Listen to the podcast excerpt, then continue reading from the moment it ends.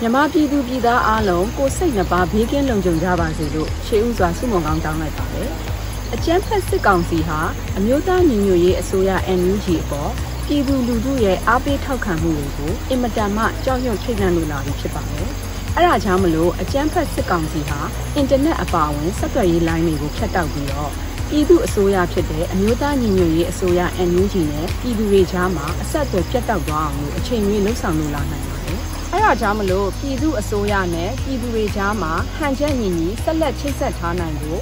အမျိုးသားညီညွတ်ရေးအစိုးရရဲ့ပြည်သူတွေအတွက်ကြိုးပမ်းအားထုတ်မှုတွေကိုအချိန်နဲ့တပြေးညီသိရှိစေနိုင်ဖို့နဲ့ပြည်သူတွေစိတ်ချယုံကြည်ရတဲ့ Radio NUG ဆိုတဲ့ Radio Channel ကိုနေ့စဉ်နှစ်ကြိမ်ထုတ်လွှင့်ဖို့စီစဉ်ထားပါတယ်။ Radio NUG ကိုနေ့စဉ်နနက်8နာရီမှတစ်ကြိမ်ည8နာရီမှတစ်ကြိမ်တနေ့နှစ်ကြိမ်ထုတ်လွှင့်မှာဖြစ်ပါတယ်။ Radio NUG ကို7.7 MHz လိုင်းတို16မီတာကနေဖမ်းယူနားတော်တာဆင်နိုင်ပါတယ်ရှင်။နေ့စဉ်နေ့တိုင်း